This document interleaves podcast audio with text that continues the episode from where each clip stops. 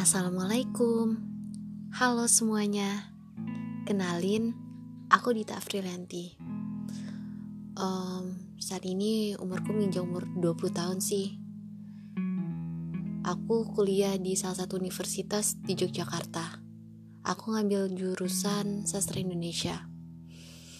Hmm, Apalagi ya? Oh ya, aku aslinya dari Bangka sih. Sebuah pulau yang jauh. Ya pulau kecil sih di Indonesia Terus aku anak ketiga dari lima bersaudara.